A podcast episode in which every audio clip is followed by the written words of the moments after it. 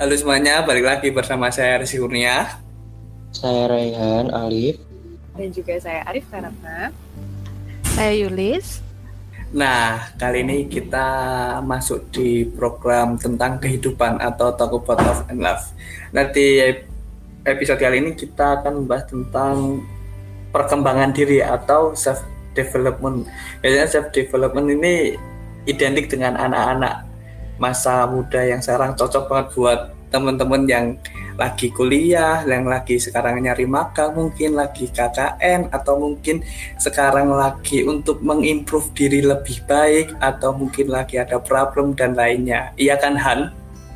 Iya betul banget ya. Jadi uh, dengan apa ya kita meng mengembangkan diri kita tuh kita juga salah juga bisa meningkatkan potensi yang kita punya Nah ngomong-ngomong nih teman-teman, kan kita uh, pada topik hari ini kan kita membahas tentang self development. Nah pastinya kan teman-teman kan tanya nih kenapa sih kok kita uh, harus meng self development harus uh, apa maksudnya mengembangkan potensi diri kita? Emang sepenting apa sih? Dan kadang kan teman-teman juga masih bingung emang pengertian dari self development itu apa? Nah kalau uh, dari nah kita akan tentunya pada episode kali ini dari podcast Maskur kita akan membahas tentang self development mulai dari pengertian kenapa sih pentingnya dan lain-lain. Nah, kalau menurut uh, Mbak Yuli nih untuk penger uh, uh, apa maksudnya kenapa sih kok kita harus penting banget untuk mengembangkan diri kita dan mungkin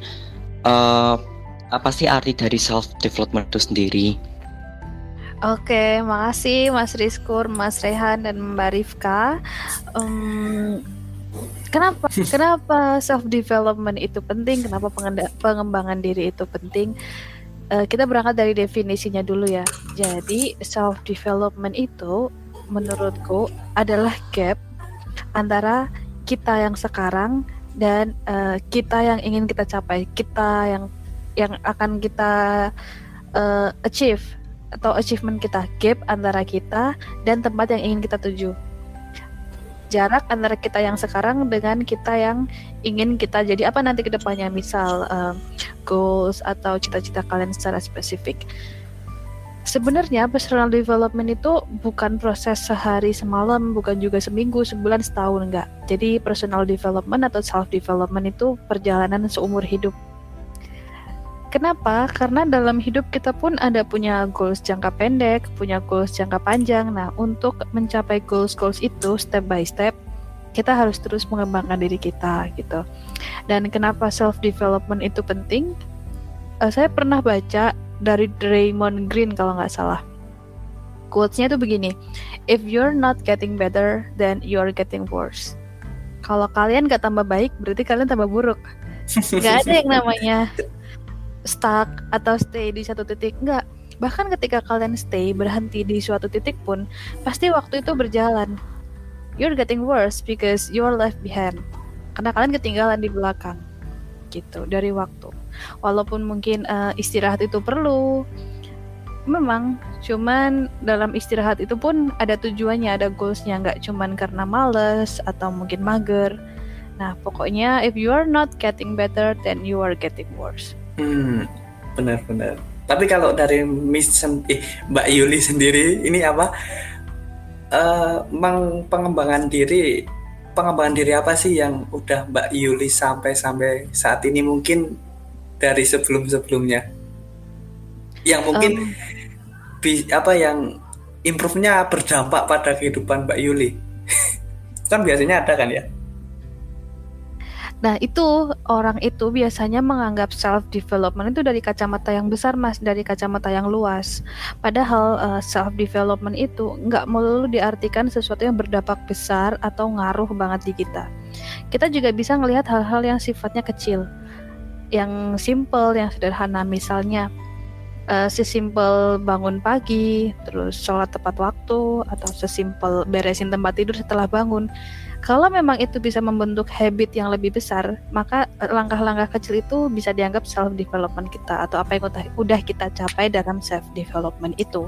Hmm, yeah. nah, ada sih buku judulnya Atomic Habit di mana habit-habit kecil yang diibaratkan sebagai atom itu bisa benar-benar merubah hidup uh, kamu secara keseluruhan hidup kita gitu.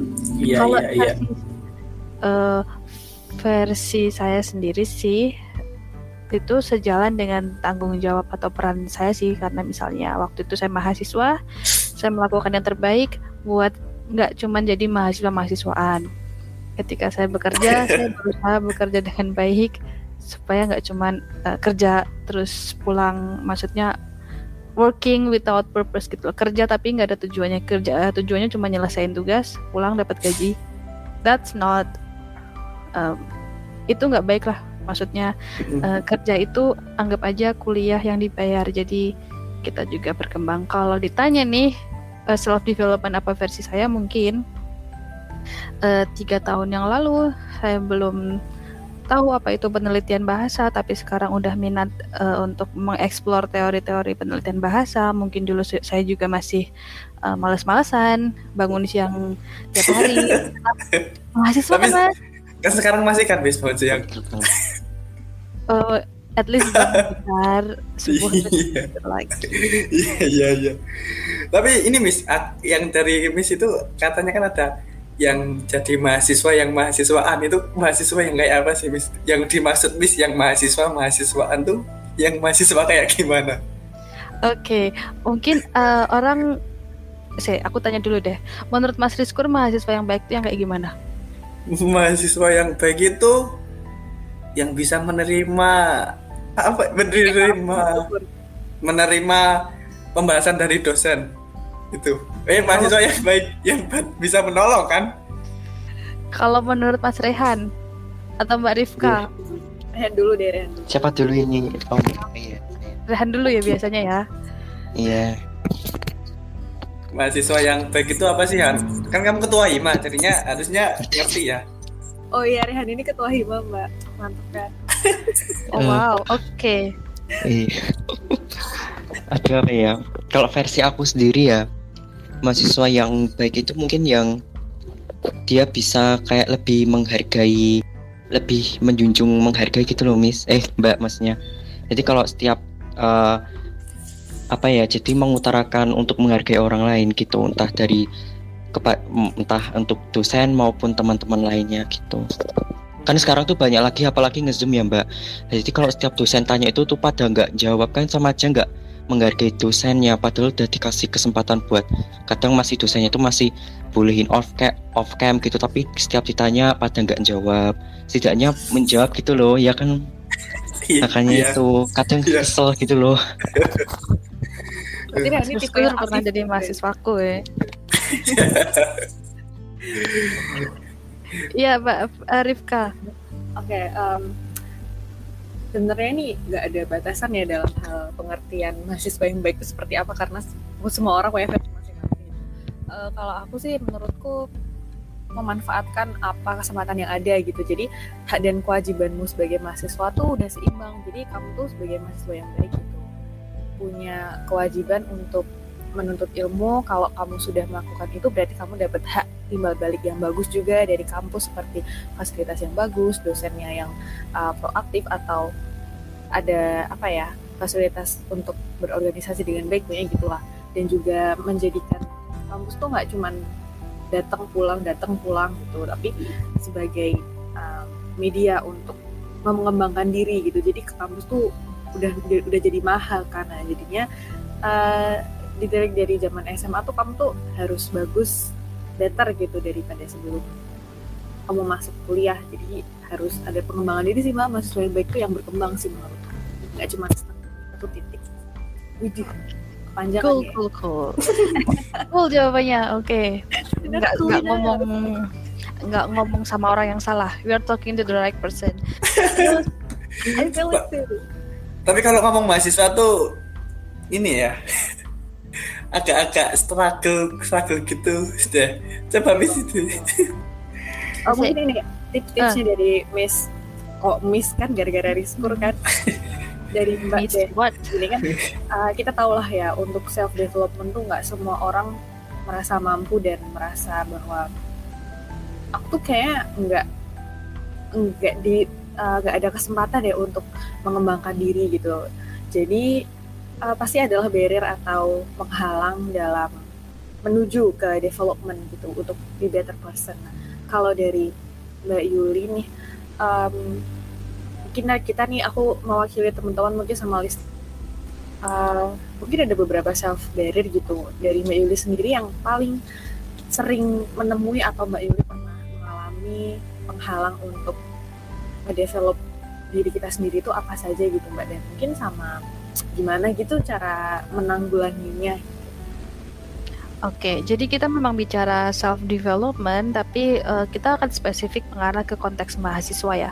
Hmm. Kalau tadi, um, jadi biar nggak abstrak gitu, sesuai kebutuhan kita. Kalau tadi Mas Rizkur nanya, ya nggak mahasiswa mahasiswa tuh kayak gimana? Terus udah dijawab Mas Rehan yang bisa uh, secara mental bermanfaat. Mbak, Rif, Mbak Rifka bilang uh, apa itu uh, bisa memanfaatkan kesempatan dan Mas Rizkur jawabannya bisa mendengarkan penjelasan dosen gitu kan. Jadi mahasiswa yang baik itu yang bisa mencapai tujuan kamu kuliah. Kamu kenapa sih kuliah? Kamu ngapain kuliah? What will you do if you graduate? Misalnya kamu kuliah karena pengen nyenengin orang tua, ya udah apa yang kamu lakukan supaya bisa nyenengin orang tua. Kalau kamu kuliah biar bisa dapat kerja, apa yang bisa kamu lakukan supaya nanti berguna di mata calon uh, employer, calon yang orang yang nge-hire kamu gitu. Nah, ketika kamu udah melakukan step-step kecil dengan cara memanfaatkan kesempatan yang ada, entah itu dari dapat nilai bagus ya konteksnya Mas Rizkur tadi dengerin dosen, mm. terus uh, aktif berorganisasi sehingga uh, soft skill, kesabaran mentalnya terbentuk dan juga pandai membaca kesempatan yang tadi kata Mbak Rifka. Ketika step-step itu dilakukan, berarti kalian sudah memiliki langkah-langkah maju menuju tujuannya. Jadi mahasiswa yang beneran yang bagus itu yang nggak cuma lulus terus bingung mau ngapain supaya kalian bisa jadi mahasiswa yang bagus kalian kuliah harus bisa tahu tujuan kuliah itu apa sih kalau memang e, karena dipaksa orang tua dan karena pengen mau nyenengin orang tua itu ya dilakukan apa caranya misalnya nilainya bagus wes gitu aja nah ketika kalian bisa mencapai tujuan itu itulah mahasiswa yang beneran bagus. Tapi kalau mahasiswa uh, dipaksa orang tua nurut tapi kok akhirnya nggak mau ngapa-ngapain di kampus nilainya jelek udah nurutin orang tua tapi akhir akhirnya endingnya ngecewain orang tua itu berarti bukan bahasa yang bagus. Karena diri kamu nggak berkembang orang tua juga nggak makin bangga dekat dengan employer ya mungkin bisa tapi dengan faktor lain bukan dengan faktor nilai atau uh, pengalaman gitu. Kalau tadi self barrier itu yang self itu berarti dari diri sendiri ya penghalang. Penghalang dari sendiri itu kalau yang aku rasain selama ini ya itu dari segi mood. Mood ya. Yes. Ya jadi mungkin ada yang sama. Aku bukan tipe orang yang bisa ngerjain apa aja aku tipe orang yang akan bersemangat ngerjain sesuatu ngelakuin apa pun itu selama itu sesuai apa yang aku suka passion. Jadi mau itu bergengsi bagus keren tapi kalau aku nggak suka nggak bisa. Jadi penting banget buat kita mengenali diri kita sendiri apa sih yang kalian suka gitu. Dan untuk uh, tadi Mbak Rifka bilang ngerasa nggak punya kesempatan. Sebenarnya kesempatan itu dicari bukan uh, tiba-tiba datang menghampiri gitu. Kita Iya dikejar dicari. Misal siapa pengen... tahu pengen jadi orang bejo mis ya kan? Bisa sih. Iya bisa. Bisa. Bisa sih tapi kalau memang cuma ngandalin bejo ya udah jangan salahin keadaan kalau nanti akhirnya progres kamu beda dari yang lain gitu. Self barrier itu yang pertama kesabaran ya. Kadang aku nggak sabar misalnya ketika aku diminta untuk uh, nahan diri selama sebulan misal nunggu uh, aku dapat tawaran kerja nih sekarang bagus. Tapi kayaknya kalau tempat ini aku nunggu sebulan lagi kayaknya tempat ini juga keterima deh. Tapi aku malas nunggu sebulan. Keburu apa tuh namanya nganggur dulu gitu kan. Akhirnya aku dapat ya udah ambil aja apa yang udah ada. Jadi problemku yang pertama mood kedua sabar. Dan yang ketiga itu biasanya faktor lingkungan sih faktor lingkungan gitu uh, gini uh. mungkin dari ini versi dari Mbak Yuli nih. Kita aku mau nanya nih. Ini kayaknya kind of uh, sesi konsultasi gitulah ya. Duh, takut sesat aku. Kita sebagai mahasiswa yang tersesat ini ya, kayaknya. dari Rehan dulu deh yang dari Rehan dulu deh yang nggak ada suaranya. Halo Han. Kan Oh, iya. baru Han, baru posting Iya. menghadapi kesibukan dan juga uh, kepadatan aktivitas mungkin kayak merasa bahwa aduh kapan ya uh, aku tuh udah berkembang belum sih? Gitu. Kalau dari Rehan sendiri uh, barrier untuk untuk development diri sendiri itu apa? Penghalang dari kamu gitu. Nanti kamu sendiri sampaikan terus nanti dari diskur apa dari aku apa nanti uh, Mbak Yuli kita berdiskusi gitu untuk oh iya iya. permasalahan. Kalau aku sih ya, kalau dari aku ya itu lebih ke faktor percaya diri. Jadi kalau aku tuh lebih ke pengen menggil pengen pede gitu loh.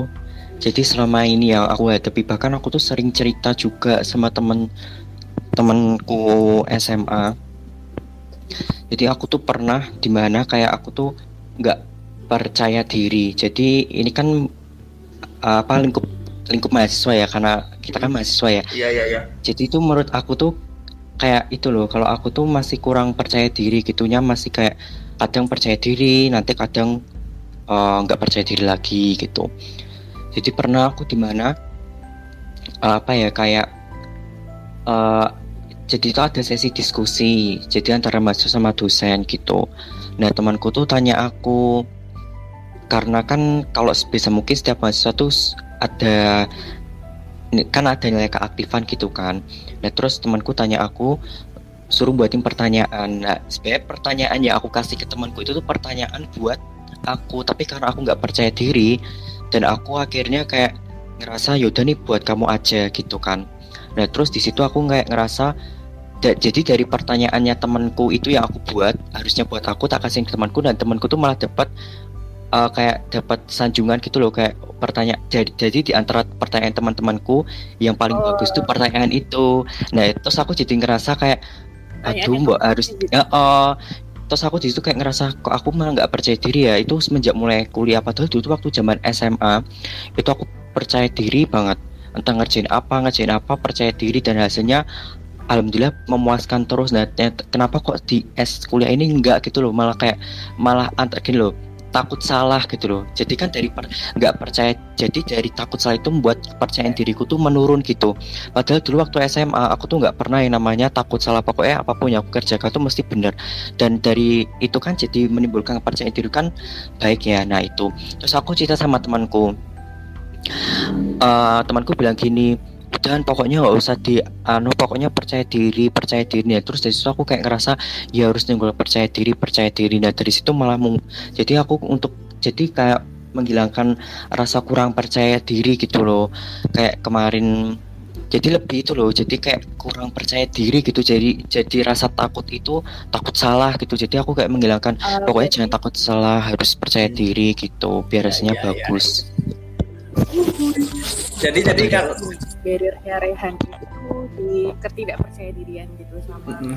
um, mungkin takut untuk um, melakukan Iya. sesuatu gitu Oke, kita simpan dulu deh jawabannya dari Rehan terus sekarang ke Riskur deh kamu Oke. apa Kur kalau kamu nih aku barrier barrierku tuh dalam penghabatan dalam self development dalam perkembangan diri itu kayak ya sama sih kayak Miss eh, sama kayak Mbak, Mbak Yuli sih tentang mood faktor lingkungan sama kayak Rehan tentang percaya diri. Kayak mungkin eh, mungkin kayak teman-teman di sekitar kita kayak mungkin udah main-main kayak pertama udah main saham nih tanya-tanya. Tapi kalau moodku belum mau ya mau nggak mau nggak bisa maksa buat main saham kan. Aku udah nyoba kayak gitu tuh mau ayo ayo main saham. Tapi moodku ternyata tuh belum mau. Jadinya dia tuh kayak menjadi penghambatku untuk berkembang untuk udah nanti dulu nanti dulu untuk main saham nanti jual ada waktunya. Terus juga faktor lingkungan juga sih sama yang terakhir juga kepercayaan diri. Mungkin itu sih barrierku di paling banyak di mood sih. Tapi kalau Rifka sendiri gimana? Oke di mood. Oke eh, terakhir nih mbak dari aku. Kalau dari versiku tentang barrier yang aku hadapi untuk self development ini menurut aku tentang manage waktu sih. Karena em, menurut eh, yang aku rasa sebenarnya kesempatan untuk develop myself itu ada. Jadi untuk mengembangkan diri lebih baik penawaran ini itu gitu tuh menurutku ada. Tapi waktunya gitu ya nggak ada. Karena uh, mungkin orang kayak ah kamu bikin aja skala prioritas gitu. Tapi kan kadang kita gini ya mbak ya, bingung gitu. Ini tuh kalau dilihat kesempatan ke depannya itu masuk. Yang ini juga iya gitu. Jadi bingung sih untuk manage waktu tuh gimana cara memilah-milah um, all the opportunities that I get gitu. Untuk jadi satu apa ya kadang kan kita punya satu apa sih namanya default gitu. Um, apa yang harus kita lakukan yang nyambung gitulah sama arah tujuan hidup. Jadi aku self barriernya di manage waktu. Jadi tadi Rehan tentang kepercayaan diri kalau Rizkur tadi tentang mood sama jadi gara-gara nggak mood terus jadi tertunda terus kalau aku tentang gimana manage waktu yang baik dan um, melihat bahwa semua kesempatan tuh nggak harus diambil gitu. Itu sih. Mbak Yuli silahkan okay. gimana Mbak Yuli dengan kita yang menghadapi ini untuk berkembang eh tapi ada barrier-barrier yang seperti ini mungkin kayak umur-umur Mbak Yuli kan pernah ngalamin semuanya. Semua ini mungkin kan ya pernah ngalamin di masa-masa iya, ini. mungkin ini. juga buat listener-listener yang mendengarkan juga ya mungkin ada yang sama barrier-barrier kayak kita terus dan gimana kita bisa berkembang untuk menghadapi barrier-barrier itu ya kan? Ini kayak waktu dan tempat kita silahkan Mbak aduh aduh aku takut sesat ini. Oke okay. Uh, gak apa-apa, gak apa-apa untuk kan confidence, mood, time management itu semuanya hal yang biasa banget dan hampir semua orang di usia kalian itu benar-benar ngalamin hal yang seperti itu. Uh, kita satu-satu coba bahas dari confidence. Apa sih sebenarnya yang bikin Mas Rehan itu nggak percaya diri gitu? Ada yang kelihatan lebih baik, ada teman yang kelihatan lebih baik atau pernah ada pengalaman buruk terus um, diejek atau gimana? Kok bisa sampai kata katanya kan dulu percaya diri banget tuh waktu SMA tapi kenapa tiba-tiba waktu kuliah jadi ciut gitu? Kenapa mungkin teman-temannya pinter kan pinter-pinter teman-teman pinter kan kalian sedikit boleh deh Han. Oh iya. Jadi tuh Oh iya Mbak, Mbak Yuli saya cerita ya Mbak biar lebih percaya diri. boleh boleh boleh. Jadi tuh gini loh, berawal tuh kan aku juga bingung sih awal kok bisa nggak percaya diri tuh karena mungkin karena pandangan gini loh mahasiswa gitu kan. Harus serba bisa gitu awalnya gitu mas terus juga lihat dari kalau lihat temanku pintar atau enggak tuh aku enggak terlalu terlalu apa ya enggak terlalu mempermasalahkan sih. Karena kan setiap orang tuh ya aku maksudnya gini. Jadi pinter versimu pinter versiku sendiri gitu. Jadi aku nggak terlalu mempermasalahkan kalau teman-teman wah pinter kayak apa mau apa yaudah yang penting aku masih mampu buat uh, kuliah gitu dengan kemampuanku sendiri. Cuma yang buat aku nggak percaya itu karena nggak tahu kenapa semenjak jadi mahasiswa masuk itu jadi takut salah gitu loh. Padahal dulu tuh aku tuh nggak pernah takut salah jadi pede gitu loh. Setiap jawab setiap jawab salah ya udah deh jadikan hal buat pengalaman waktu SMA terus dari situ kan jadi malah pede jadi malah nggak pernah takut buat entah jawab. Jadi setiap jawaban yang jadi kalau setiap aku percaya diri itu jawaban yang aku jawab tuh mesti atau apa tuh hasilnya nggak apa ya jadi dari takut salah itu sebenarnya sih. Jadi nggak percaya diri. Padahal saya tuh pernah dikasih tahu dosen saya kalau jadi mahasiswa tuh salah nggak apa-apa orang malah apa ya pokoknya berbuat salah aja kalau selagi jadi masalah nah, maksudnya salah tuh maksudnya dalam arti nggak salah yang aneh-aneh gitu loh mbak gitu kan. Nah terus dari situ kan apa ya ya itu sih takut salah sebenarnya tuh. Terus aku jadi ngerasa kayak tuh kayak eh aku jangan takut salah deh harus yakin aja. Sebenarnya tuh sering dikasih tau temanku gitu waktu kemarin waktu kemarin stati, ada studi kasus kan tentang manajemen resiko mata kuliah saya maksudnya itu kan tentang manajemen resiko. Tuh saya udah jawab kayak berinjil banget terus temanku tuh saya teman saya tuh telepon tanya tanya tanya tanya maksudnya tanya Rihan ini benar gak ya? Maksudnya ini tuh masuk dalam kategori apa? Gitu kan. Terus aku bilang ini maksudnya dalam kategori ini gitu kan. Nah terus terus aku tanya aku tanya gini berawal tanya gini eh jawabanku gini ki. Bener nggak ya? Nah dari situ kan jadi ragu jadi nggak percaya diri. Terus temanku gini kayaknya bukan deh Han. Yang bener tuh gini-gini. Terus aku kayak oh iya po. Ya wes langsung matiin tak teleponnya nah terus aku telepon sama temanku eh kata kata dia tuh jawabannya gini tuh. Terus temanku bilang gini enggak kok kayak bener kamu kok Han gitu kan. Nah temanku yang satu bilang kayak bukan itu yang satu bilang benar kamu jawabannya benar. Jadi itu kan aku jadi bingung tuh mana nah dari situ kan timbul takut salah jadi nggak percaya. Terus temanku yang bilang benar tuh gini udahan yakin aja ikuti kata hati yo ya lah Bismillah ya. Tuh nggak aku jawab. Nah terus aku, saya presentasi kan. Terus dosenku bilang gini ya benar yang Rehan jawab itu benar dari awal sampai akhir tuh benar maksudnya dari identifikasi dari dari semuanya. Itu aku dari situ sadar oh ternyata kalau kita yakin ikuti kata hati benar nah dari situ aku sebenarnya tuh jadi sebenarnya tuh dari takut salah terus ragu-ragu yang akhirnya nggak bikin percaya diri gitu loh. Itu yang aku permasalahin setiap setiap di lingkup eh, maksudnya selama aku jadi mahasiswa dalam faktor pembelajaran gitu loh. Hmm, gitu iya, sih iya, iya.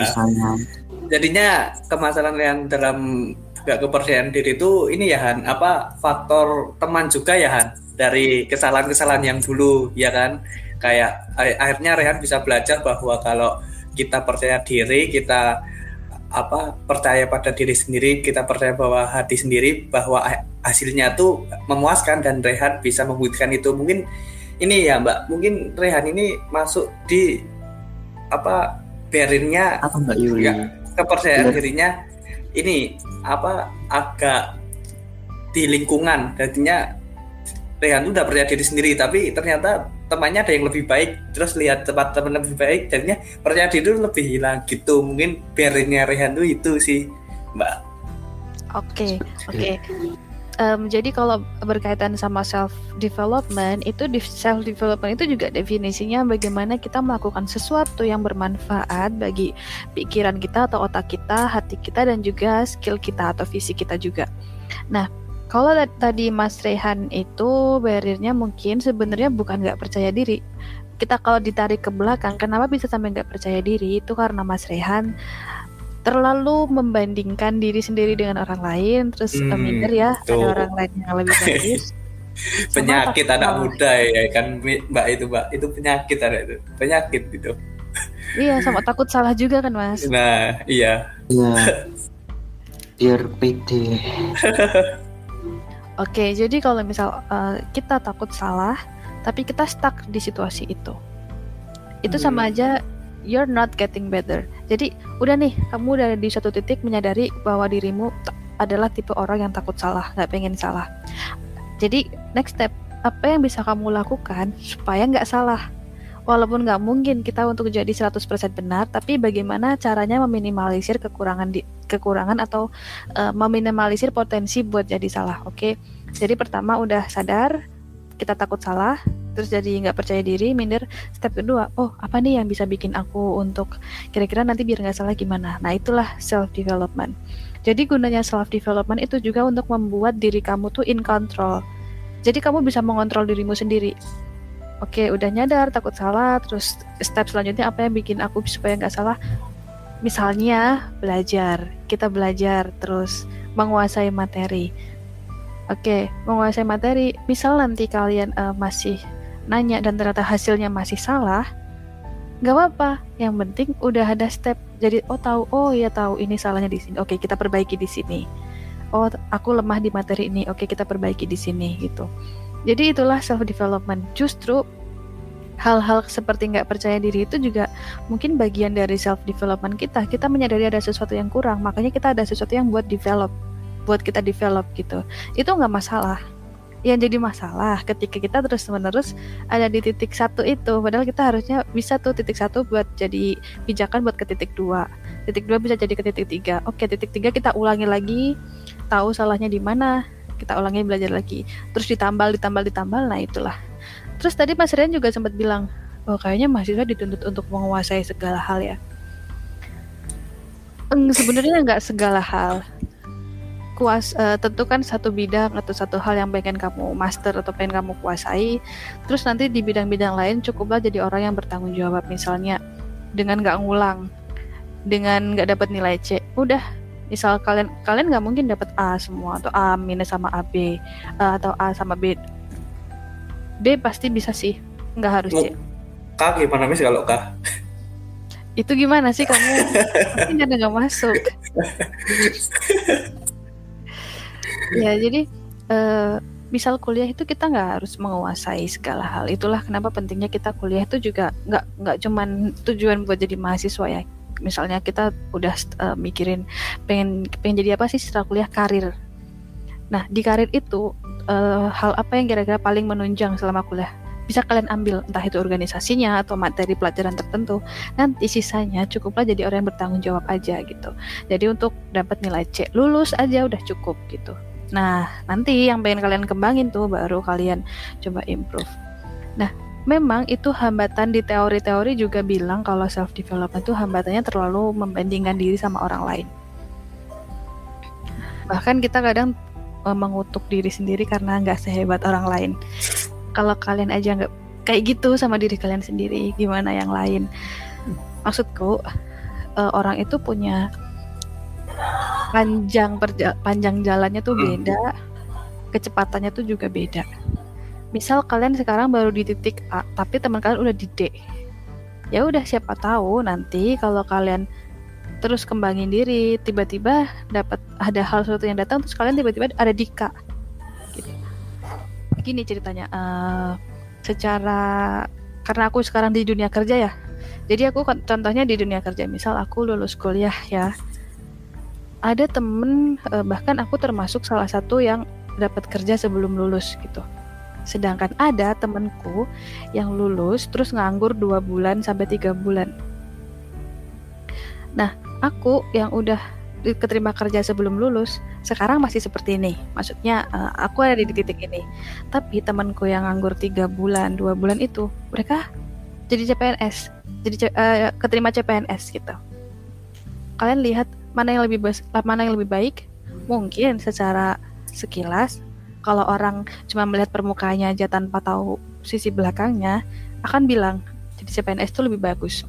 Dan kadang mungkin orang-orang seperti aku yang keterima kerja sebelum lulus tuh kadang ada sisi sombong kayak ih itu ngapain sih?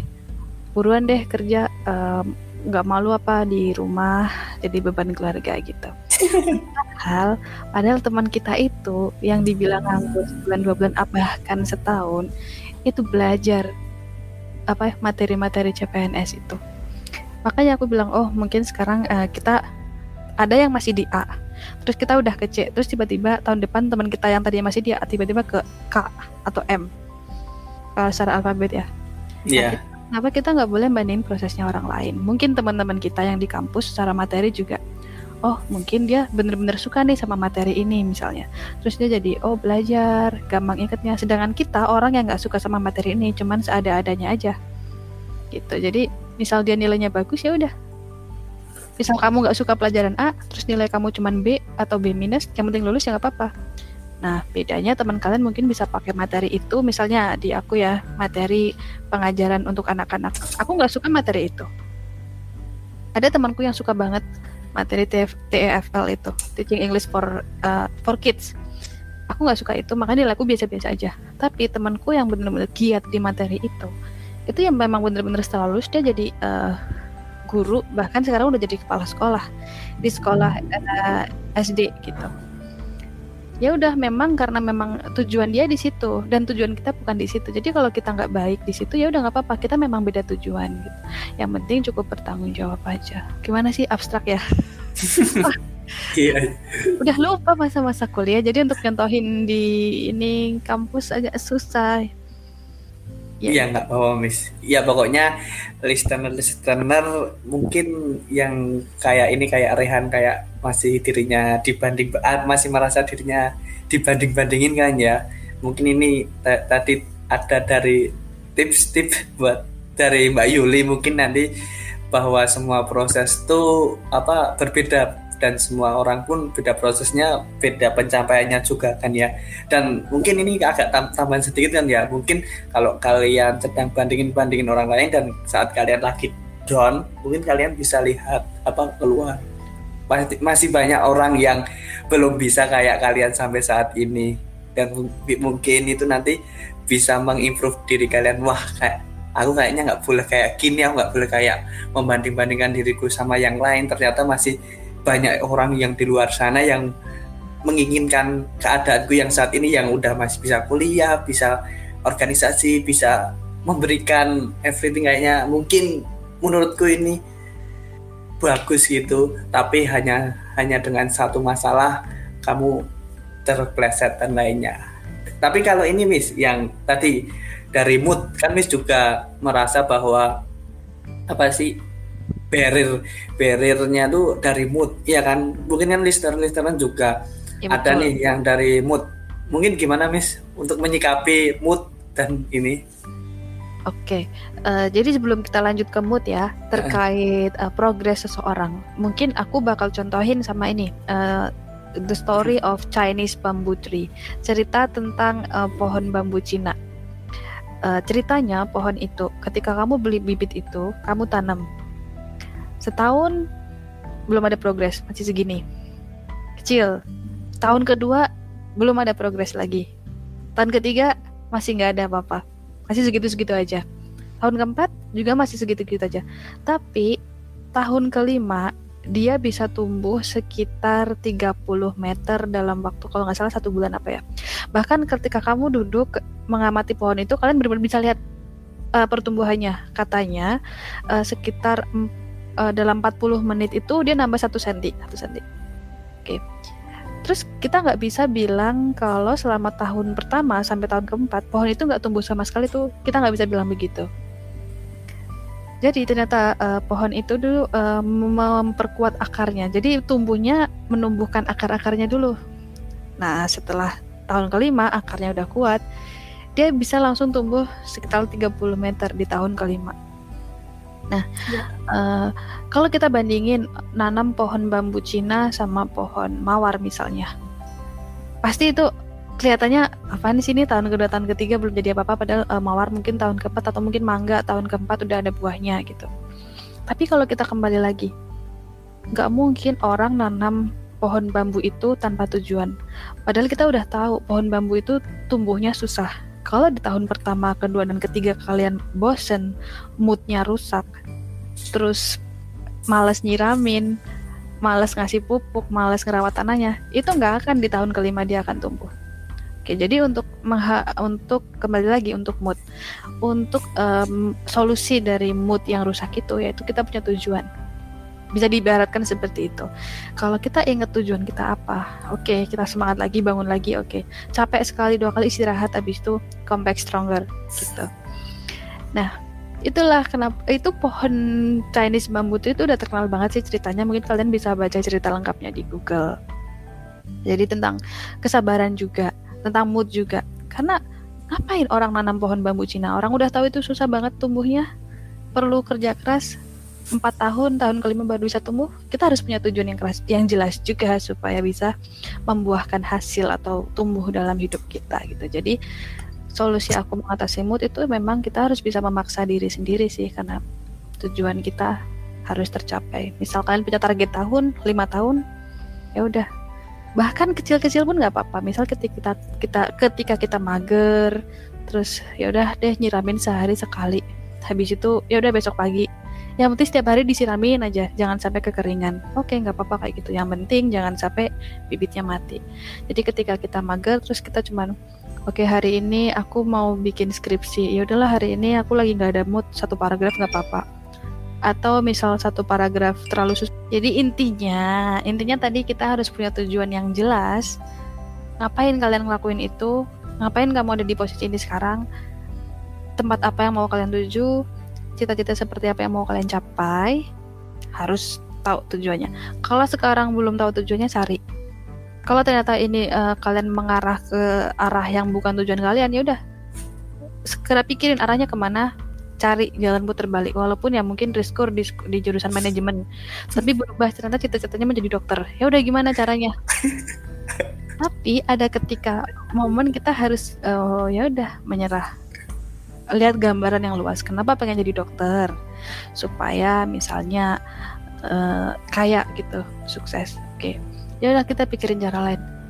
Apa sih uh, selain jadi dokter apa sih yang sukses? dengan memanfaatkan apa yang ada gitu bukan berarti harus meninggalkan apa yang ada gitu misalnya aku cita-cita nih lulus langsung jadi dosen di uh, dosen di mana gitu tapi kenyataannya harus melalui asdos dulu harus melalui asisten peneliti dulu dan sampai sekarang juga belum jadi dosen gitu jadi nggak apa-apa yang penting aku mengarah ke situ gitu nggak mengarah buat jadi Iya. manajer misalnya Iya, iya. gimana gimana Benar, benar.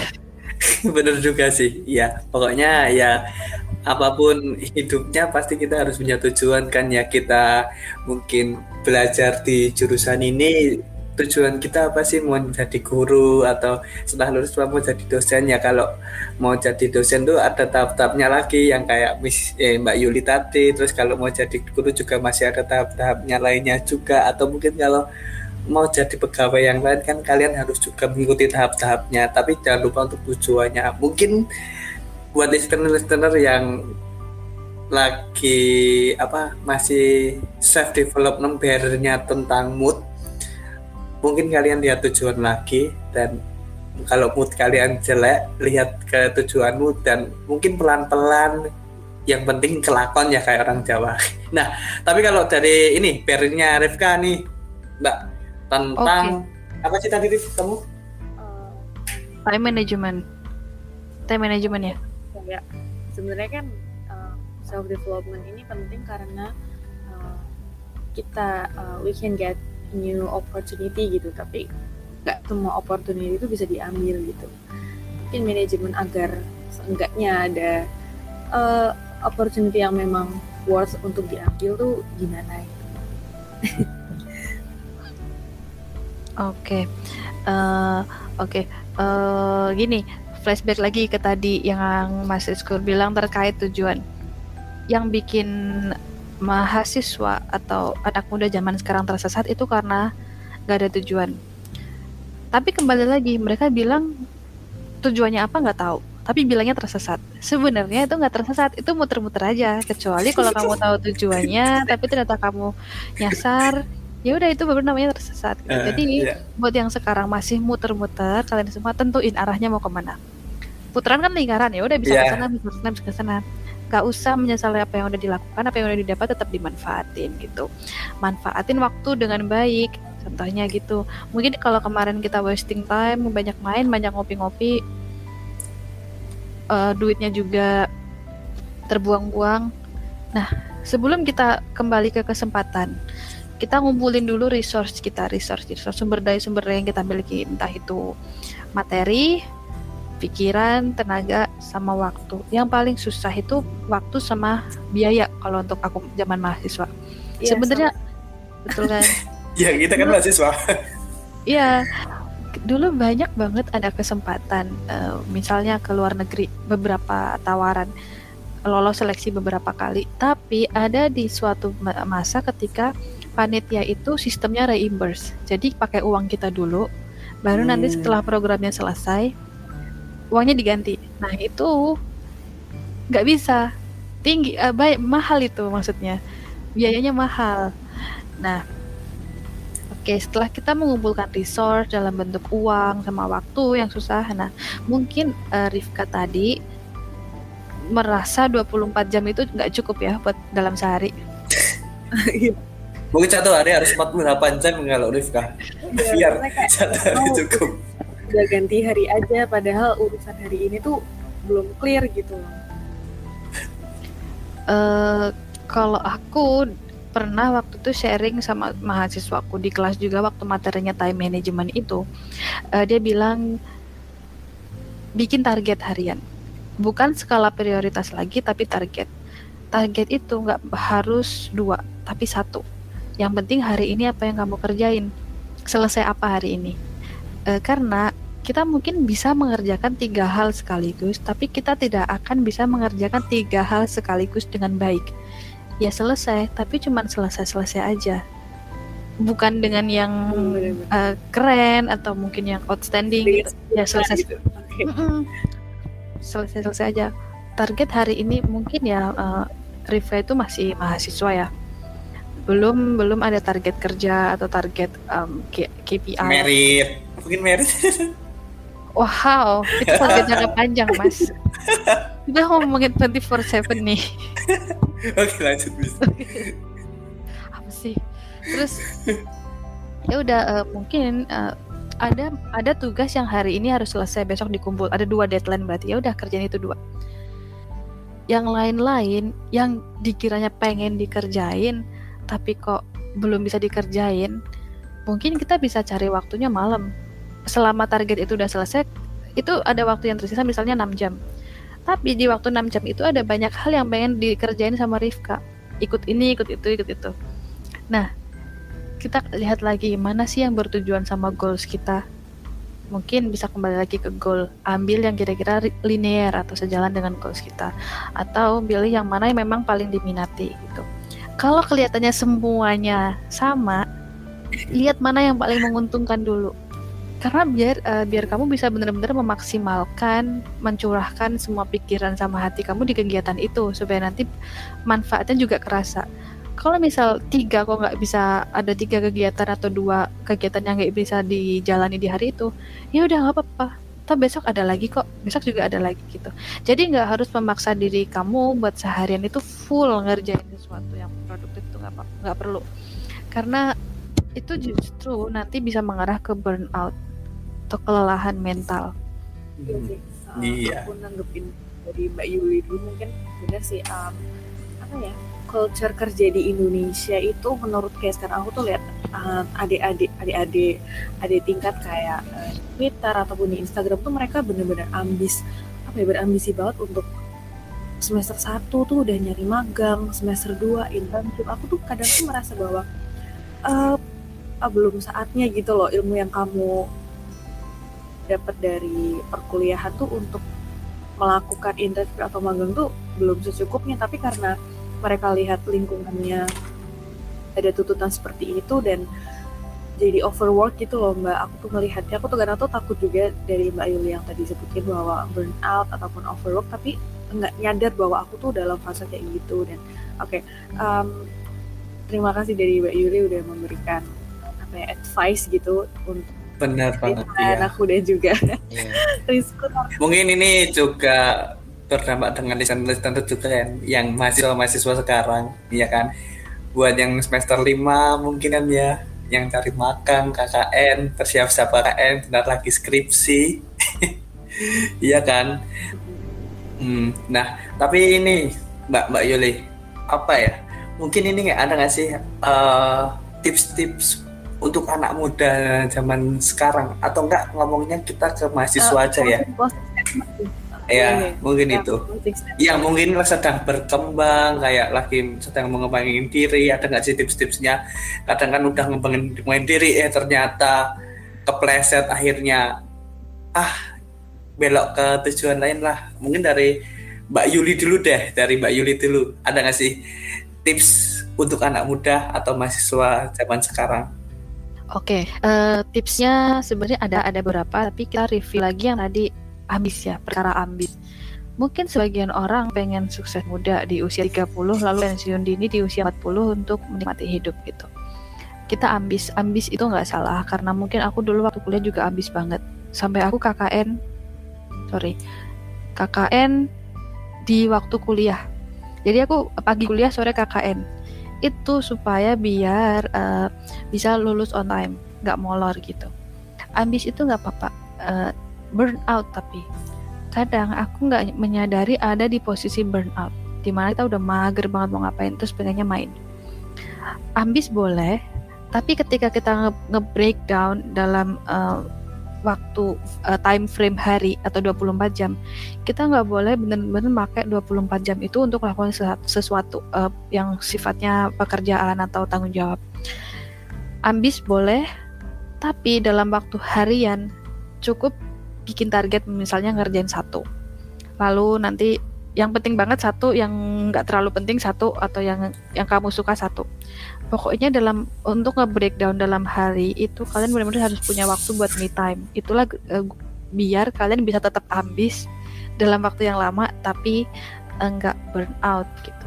Ketika kalian nge-breakdown dalam bentuk harian tapi 24 jam itu buat tanggung jawab, terus tugas, terus itu break uh, burnoutnya akan lebih cepat gitu. Ambis gak apa-apa, tapi harus manajemen uh, diri dan waktu, manajemen prioritas, manajemen target juga. Yang penting targetnya tercapai hari ini, nggak perlu buat nambah lagi nambah lagi. Ah masih ada besok. Udah hari ini main dulu aja, nongkrong atau ketemu temen atau nonton drama atau ke pantai gitu. Kalau aku sih dulu gitu, ambis boleh, tapi dalam kurun waktunya jangan harian gitu.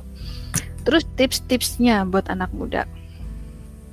Uh, self development itu sesuatu proses yang harus kamu pelajari sendiri.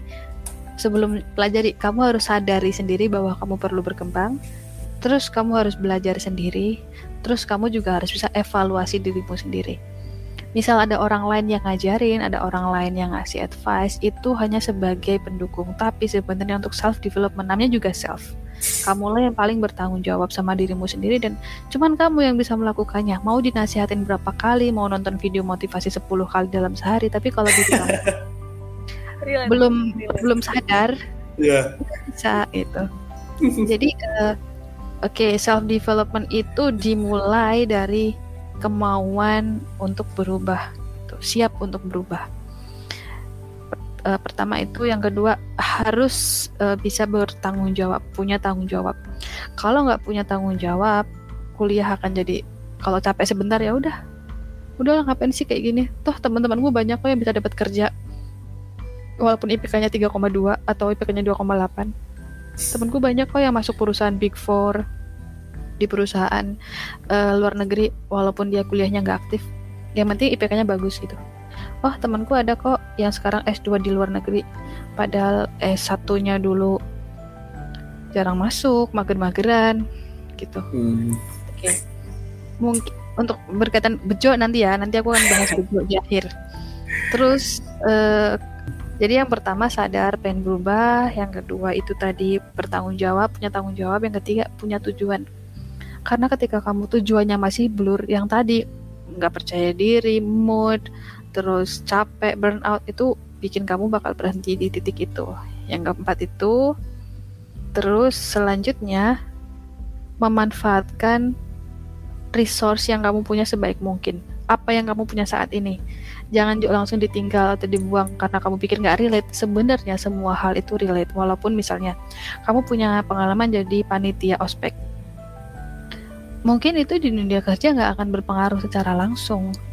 Tapi yang di dalamnya skill kamu manage orang, leadership mungkin, soft skill, emotion itu pasti ngaruh. Jadi sadari resource yang kamu punya dan uh, pakai resource itu sebagai batu loncatan kamu. Hmm. Itu yang kelima ya.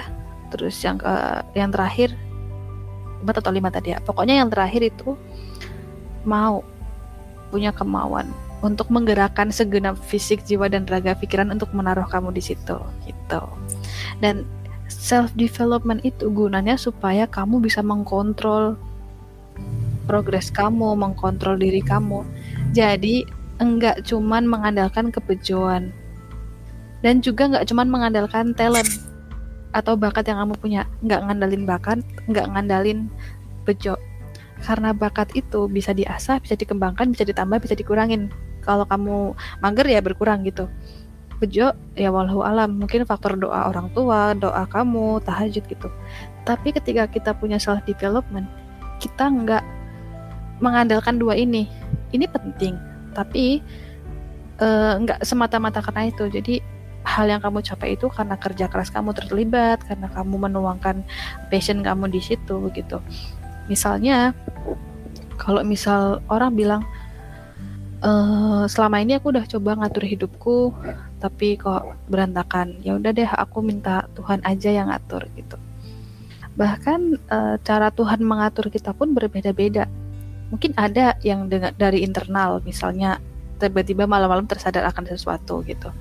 Terus apa e, ada juga yang dari faktor nasihat orang tua atau apa.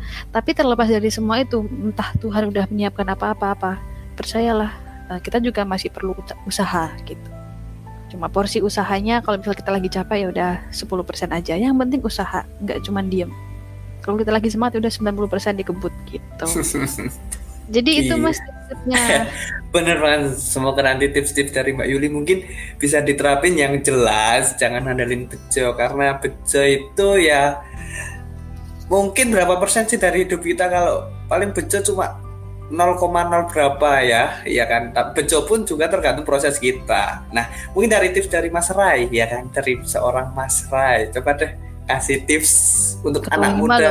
Iya, ketua Hima. Mungkin biasanya ketua Hima singkat aja tip- tipsnya udah bagus kan. Coba deh Mas Rai.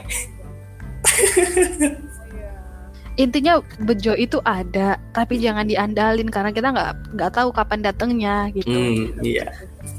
Ayo Mas Rai. Oh iya. Kalau tips dari aku mungkin tips untuk mengembangkan diri ya. Jadi mungkin lebih harus yakin. Karena dari pengalaman aku juga sih. Jadi aku ambil tips dari pengalaman aku. Yakin dengan apa yang kita kerjakan apa yang kita lakukan juga, apa yang kita kerjakan. Terus juga jangan jangan pernah takut untuk salah juga. Pokoknya salah itu tuh dari kegagalan itu kita malah membuat kita untuk uh, makin belajar. Oh ternyata untuk hari ini aku uh, melakukan kesalahan ya udah nggak apa-apa it's okay. Berarti untuk ke depannya aku harus bisa belajar dari kesalahanku untuk untuk mengevaluasi diri aku. Berarti ke depannya aku harus lebih baik lagi. Mungkin jangan mungkin memforsir diri sendiri juga sebenarnya nggak terlalu baik sih. Kita juga harus lihat uh, kemampuan kita. Terus juga mungkin kita harus kenali dulu kemampuan kita juga masing-masing. Sebenarnya kan ada ya di saat satu titik kita tuh membandingkan diri kita sama orang lain. Uh, jadi ketika kita membandingkan diri kita sama orang lain kita harus ingat juga oh ternyata kemampuanku sama kemampuannya dia tuh beda. Terus aku juga memiliki apa ya kayak yang jadi contoh kayak aku sebenarnya aku apa ya kayak uh, ketika aku di saat aku down down maksudnya semangat semangat belajarku menurun atau apa terus lihat orang lain kok uh, rasa minder rasa kayak tuh kok dia bisa gitu ya sedangkan aku enggak ya? Nah itu kan biasanya aku di situ kayak nyemangatin diri aku sendiri. Nggak apa-apa nggak apa-apa.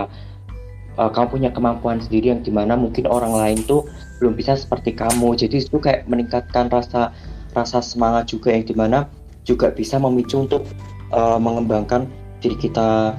Terus juga apa ya kalau aku biasanya juga untuk mengembangkan diri itu aku biasanya lebih banyak uh, apa ya kayak masukan motivasi-motivasi. Jadi kalau memperbanyak motivasi itu juga penting karena dengan motivasi uh, kita juga bisa kayak apa ya kayak memacu diri kita oh berarti aku harus semangat nih aku harus harus bisa. Tapi jangan memaksa yang penting sesuaikan dengan kemampuan diri berkem, berkembang mem, apa ya berkembang diri dengan versi diri kamu sendiri gitu kalau dari aku sendiri.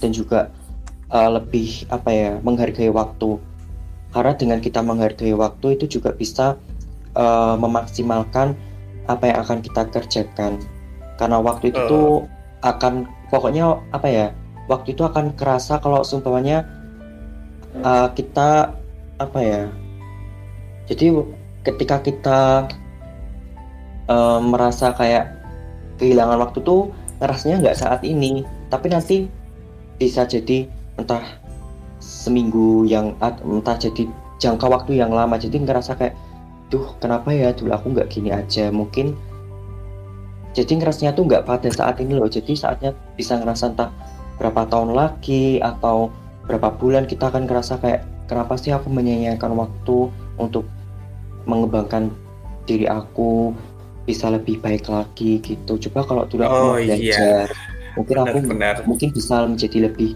baik lagi gitu Oke, benar. Mungkin dari Rehan itu ya tadi dalam menghargai waktu dan tetap percaya diri agar self development yang ada pada diri kita itu tetap berkembang. Mungkin ini dari Arifka deh.